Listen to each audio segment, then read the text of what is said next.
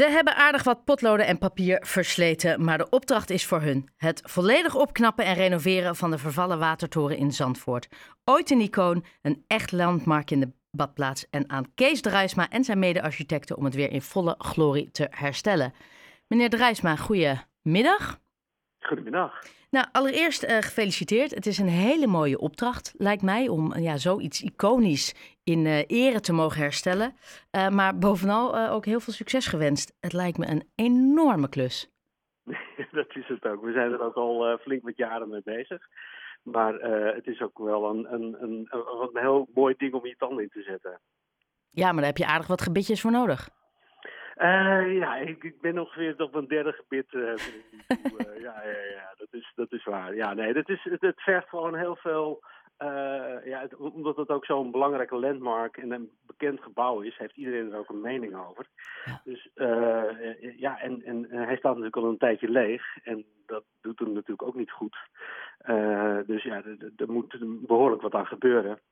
Ja. En, uh, en, beetje bij beetje dan kom je erachter dat er steeds meer moet gebeuren.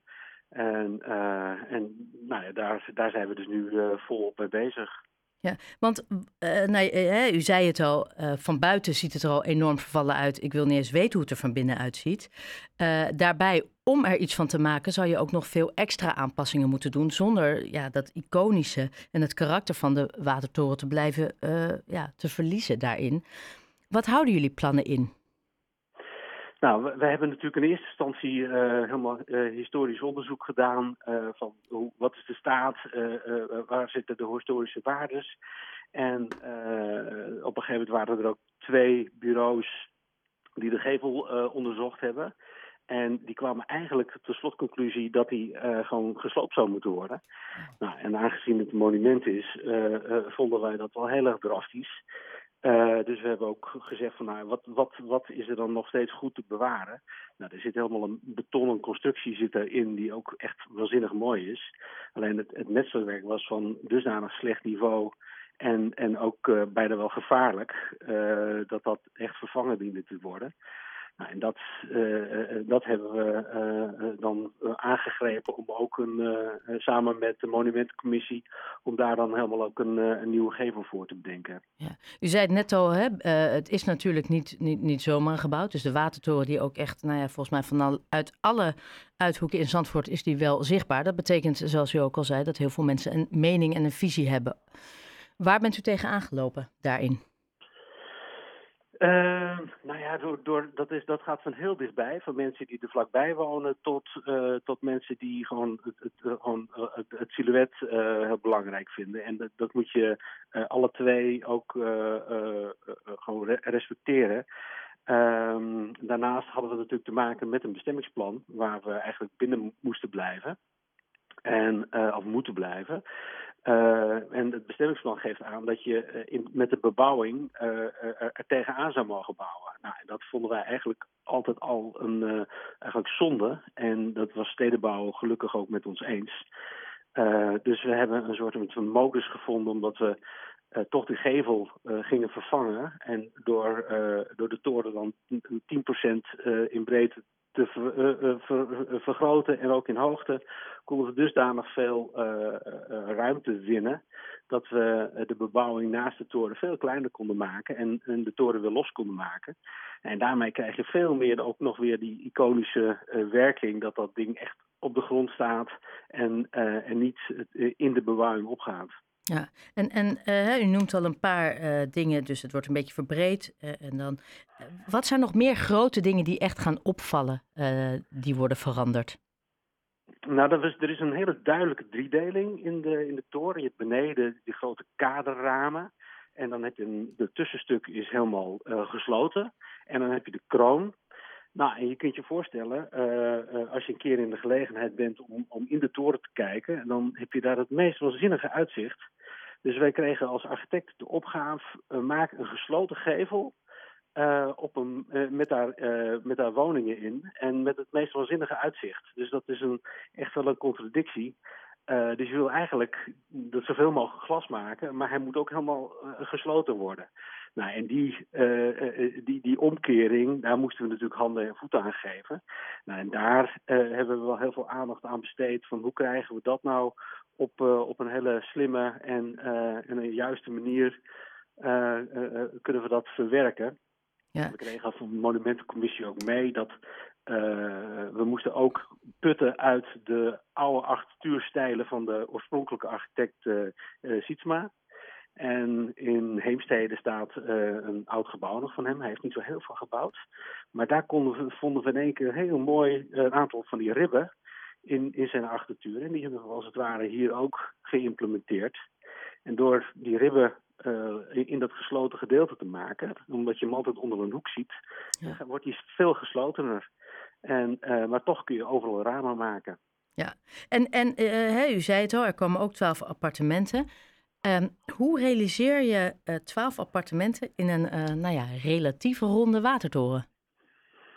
Mocht je nog een kast en een keuken willen plaatsen? Ja, nou, er zat natuurlijk al een liftschacht in. En dus daar kunnen we opnieuw gebruik van maken. Uh, en uh, doordat je dus één woning per bouwlaag doet, ja. konden we dus ook veel makkelijker met de vluchtroutes omgaan. En hoeven we maar één trappenhuis. omdat je om die kern kun je, vluchttechnisch is dat, is dat dan wat eenvoudiger. En nou, op die manier, en we kregen ook de, de, de randvoorwaarden van Monumentencommissie mee. We mogen geen liften en trappenhuizen aan de buitenkant doen. Dat zou, die iconische waarde zou dat dus een stuk verminderen. Nou, dus, uh, en door één appartement per laag dus te maken, was dat uh, goed op te lossen. Ja. En nou ja, de balkons mochten niet aan de buitenkant, die moesten echt als loggia's een, een intern balkon moesten die dus ook binnen de gevel oplossen. Ja, en, en ik, ik heb een vermoeden naar het antwoord, maar worden die appartementen betaalbaar? nou ja, dat is, nou, dat is op zich een goede, uh, de terechte vraag hoor. het is natuurlijk een, een hele kostbare aangelegenheid om, om deze te renoveren. En als je dus twee woningen per laag zou doen, dan zouden we nog weer een extra vluchttrappenhuis moeten hebben. Waarmee we in één keer zoveel verkeersruimte zouden, ja. dat dat hele kleine woningjes zouden worden. En dus kom je eigenlijk alweer op een wat grotere woning. En, ja, en dan kom je toch ook in een, in een wat een duurder segment kom je terecht. En als ik nou gewoon zeg dat daar zes nullen achter die één staan, dan blijft het stil aan de andere kant van de telefoonlijn, denk ik. ja, nou, ik, ik ben geen makelaar. Ik weet alleen wel dat op dit moment de bouwkosten wel uh, ook hele gekke dingen doen. Dus ja, ja dat, dat, dat is op dit moment is dat nog een meer sturende factor dan, dan de gekte op de woningmarkt. En, en dan, nou ja, u zei het al, jullie zijn er al een paar jaar mee bezig. Het is een enorme klus, ook omdat jullie hè, het bijbehorende Villa Maris en het verdere plein ja, dat, dat hoort daarbij, bij het hele project. Wanneer verwachten jullie klaar te zijn? En dan inclusief eventuele vertraging? Oeh, uh, één, correctie. Wij, wij, uh, er zijn zeg maar twee, twee ontwikkelaars. Bad Zandvoort die doet het plein en Waterdorp CV die doet de toren en, en de Filamaris. Wij doen één blokje bij Bad Zandvoort. En wij doen dus Filamaris en de toren. Dus dat is, dat zijn en het wordt niet tegelijk opgeleverd. Dat maakt dan verder niet. Nee, nee, oh, oké. Okay. Ja. Dus, omdat, omdat wij dus heel veel nog onderzoeken en met dat mensenwerk moesten doen, zijn wij eigenlijk wat achterop geraakt. Uh, okay. Zij gaan wel starten. Als het goed is, is in mei uh, startbouw uh, op het plein.